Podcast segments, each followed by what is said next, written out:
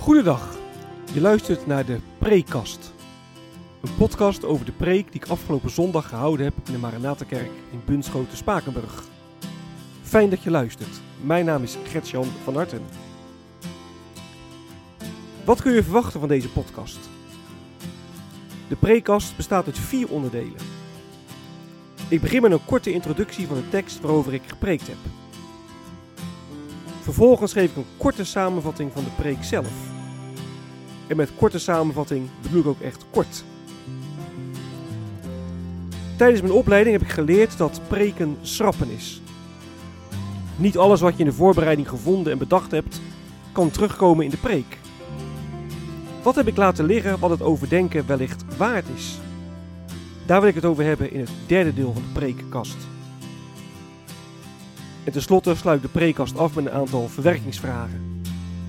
Vragen die je kunnen helpen om de preek te overdenken en of toe te passen.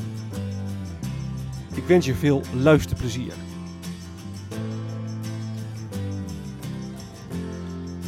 De tekst.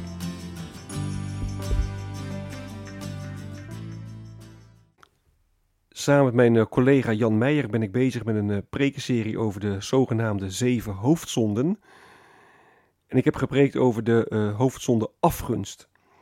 En ik heb dat gedaan aan de hand van de geschiedenis van Kain en Abel, zoals dat beschreven staat in Genesis 4. We hebben gelezen Genesis 4, vers 1 tot en met 16. En de tekst was Genesis 4, vers 6 en 7.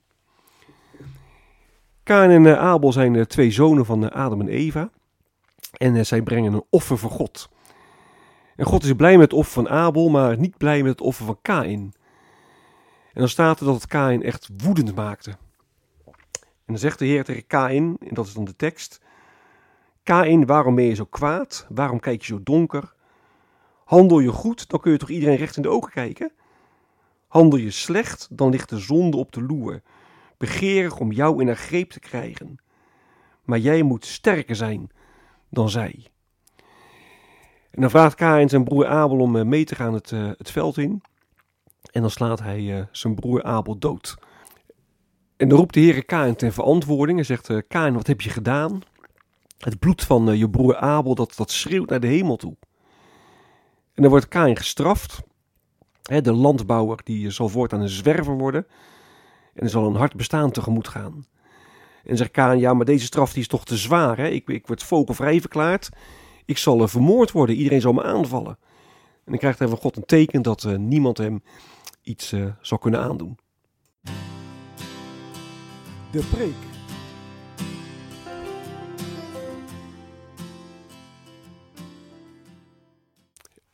Het thema van de preek was leef zonder afgunst. Kaan en Abel die brengen allebei een offer voor de Heer. En de Heer is blij met het offer van Abel, maar niet met dat van Kain. En in de Hebreeënbrief staat hoe dat kan. Abel was een rechtvaardige, zegt Hebreeën 11 vers 4. En een rechtvaardige is iemand die, die met God wil leven. En kennelijk zal daar het verschil tussen de beide broers. Abel die, die leefde met de Heer en Kain niet. Nou, was afgunstig op zijn broer.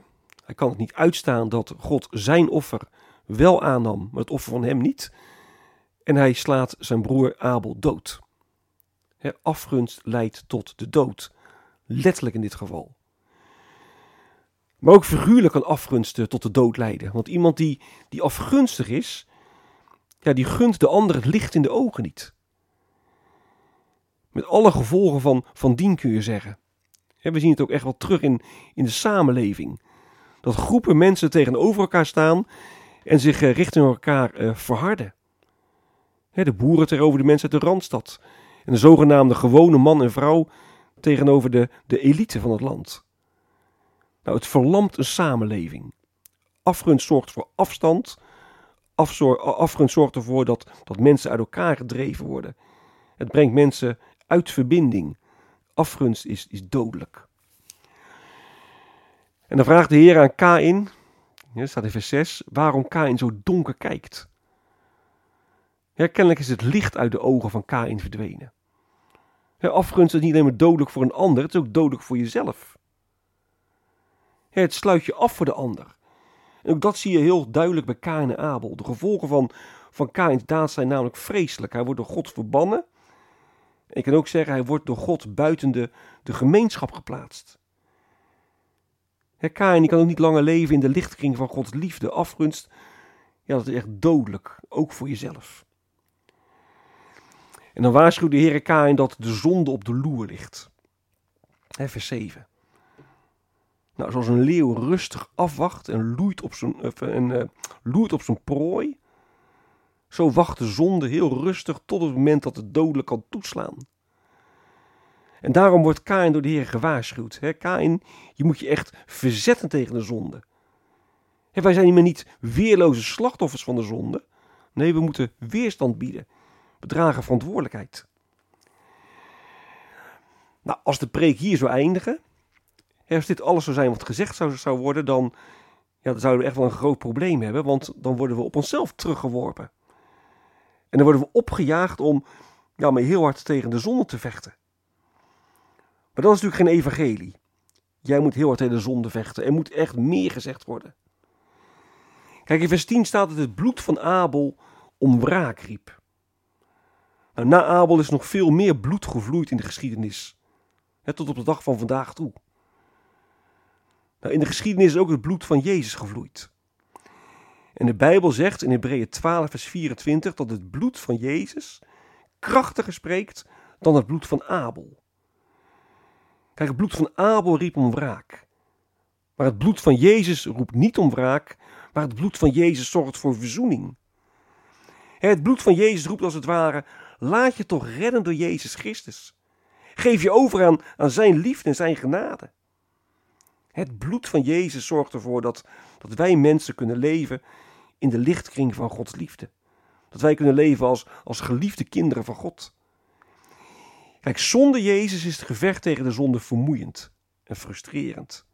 je moet continu alert zijn en je merkt ook dat je steeds weer onderuit gaat. Maar als je tegen de zonde vecht samen met Jezus Christus in de kracht van, van zijn evangelie, in de kracht van zijn liefde, ja, dan ziet zo'n gevecht er heel anders uit. Want dan vecht je in het geloof dat, dat God van je houdt. En dan vecht je in de wetenschap dat de Heilige Geest je, je helpen wil. En dat gevecht dat is niet, niet vermoeiend. Dat, gezegd, dat gevecht is niet frustrerend. Nou, leef daarom zonder afgunst. leef met Jezus Christus. Kijk, afgunst als dodelijk, ook voor jezelf. Verzet je daarom tegen, vertrouwend op Jezus Christus. Wat is blijven liggen?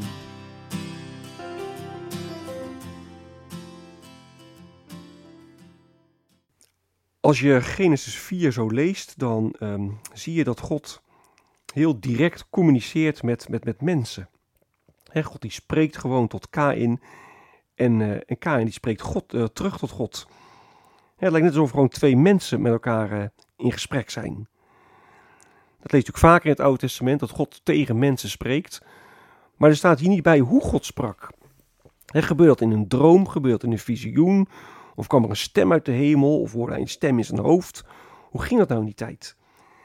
En als God nou direct tegen men, tot mensen spreekt uh, in het Oude Testament, waarom ja, gebeurt dat nu dan niet meer? Of gebeurt dat nog steeds? Hoe moet je daar nou tegenaan kijken? Hoe spreekt God tot mensen? Nou, ik denk daarbij ook aan wat uh, de Hebreeënbrief zegt, Hebreeën 1 vers 2. Er staat nu, aan het einde van de tijd, heeft God tot ons gesproken door zijn zoon, die hij, die heeft aangesteld als erfgenaam van alles wat bestaat. En vers 1 zegt dan, vroeger sprak God door de profeten, nu spreekt hij door zijn zoon. Is dat een andere manier van spreken? Of moet je dan zeggen, nee, eh, God spreekt nu alleen via het evangelie tot ons, of spreekt God ook op andere manieren? God spreekt dus tot, uh, tot uh, rechtstreeks tot Kain. Hoe moet je dat voorstellen? Als eerste waar ik nu even de, nu de aandacht voor wil vragen en wat ik niet in de preek behandeld heb. Het volgende is dat je in vers 11, Genesis 4, vers 11 leest dat Kain vervloekt wordt door de Heer. En daarmee was het oordeel dat, dat Kain kreeg zwaarder dan het oordeel dat Adam in het paradijs kreeg. Adam die werd, werd niet vervloekt, toen werd alleen maar de slang vervloekt. En ja, wat betekent dat? Wat wil dat zeggen? En je zou denken, die zonde van Adam, ja, die was, was erger dan die zonde van Kain, want ja, dat was de eerste zonde. Door de zonde van Kain, of door de zonde van de Adam, kwam, kwam de zonde in de wereld. In die zin is, is eh, Kain meer een slachtoffer dan een dader. Maar toch spreekt de Genesis er zo niet over. Kain die wordt in tegenstelling tot Adam wel vervloekt. Nou, hoe moet je het dan zien? Hè? Wat, wat houdt dat in, die vervloeking? In vers 14 zegt Kain, uh, ja, ik mag u niet meer onder ogen komen, dat is vreselijk. Maar tegelijk lees je ook dat de Heer Kain wel, wel, wel beschermt. Hoe zit het dan precies met die vervloeking van Kain? Nou, ik denk dat er genoeg denkstof is om daarover uh, over na te denken. Het volgende wat ik wil noemen is dat Kain, je kunt dat lezen in vers 13 en 14, dat Kain aan God, aan, tegen God aangeeft dat hij bang is dat, dat andere mensen hem uh, zullen doden. En je kunt afvragen, maar voor, voor wie is Kain dan precies bang? Er waren er buiten Adam en Eva nog meer mensen op aarde? Ze zeggen, hij is niet bang voor zijn vader of zijn broers, want hij, ja, hij wordt verbannen, hij vlucht weg van zijn ouderlijk huis. Of hadden Kain en Abel uh, heel veel andere broers, broers die al eerder weggetrokken waren van Adam en Eva? Is hij voor hen bang? Nou, verschillende commentaren zeggen je moet dit, dit gedeelte niet als, als historie lezen. Het gaat erom dat je de, de les eruit haalt. dat dat afgunst dodelijk is en dat dat je van de, de gemeenschap vervreemdt. Nou, hoe moet je nou precies zien? Ook daar zou je apart over kunnen, kunnen nadenken. En het laatste wat ik wil noemen, dat is eh, vers 15. Er staat dat de Heere Kain merkte met een teken. Met een teken opdat niemand die hem tegenkwam hem zou doodslaan. Nou, waar moet je dan aan denken? Aan welk teken? In onze taal kennen we de uitdrukking een Kaïnsteken hebben. En volgens het woordenboek is dat een, een teken van kwaadaardigheid. Ik las ook ergens als je wenkbrauwen aan elkaar gegroeid zijn, dat het ook wel een Kaïnsteken genoemd wordt. Nou, er zijn in de loop van de geschiedenis allerlei suggesties geweest waar dat Kaïnsteken uit, uh, uit bestaan zou hebben. Er werd wel gezegd de melaatsheid. Er zijn ook wel mensen die zeggen, ja, er kwam een soort, soort hoorn uit zijn, uh, uit zijn huid op zijn voorhoofd. Ik las zelfs ergens dat het, eh, het zou gaan om een, een zwarte huid, dat hij een zwarte huid kreeg, kreeg. Maar dat verraadt natuurlijk wel een bepaalde racistische houding. Als je kijkt naar de betekenis van een K-insteken, een teken van de kwaadaardigheid. Nou, ook commentaren die zeggen, nou het is niet zo dat, dat, dat er een teken aan Kain werd ge, gedaan. Dat God Kain met een teken merkte, maar dat God een teken voor Kain deed. Maar dat lijkt me niet zo voor de hand liggen. Hè. De context laat zien dat het om een afschrikwekkend teken ging dat de potentiële vijanden moesten moest afschrikken. Nou, er is veel over geschreven, maar het is vooral ja, heel veel speculatie. Het is een feit de Bijbel er verder niks over zegt. En dat is ook dan de reden dat ik in de preken geen aandacht aan besteed heb. Verwerkingsvragen.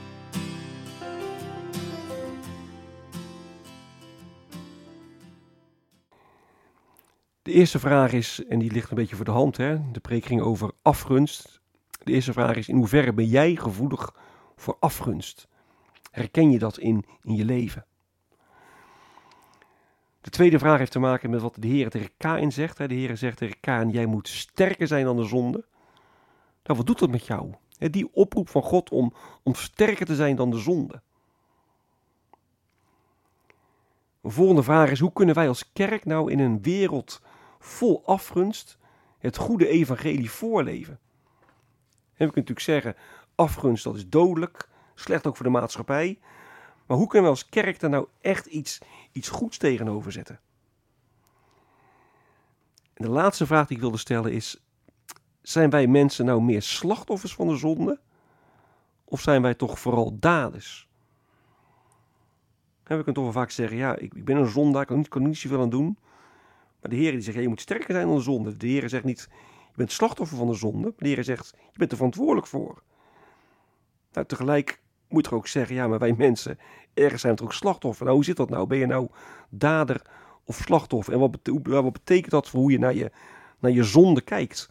Wat betekent dat voor hoe je ook omgaat met, ja, met schuld waar je tegenaan loopt in je eigen leven? Dit is het einde van de prekast. Mocht je vragen of opmerkingen hebben, dan kun je me mailen op mailadres van hartengretjan.gmail.com van hartengretjan.gmail.com Ik wens je nog een hele prettige dag. Hartelijk dank voor het luisteren. En wie weet, tot een volgende keer.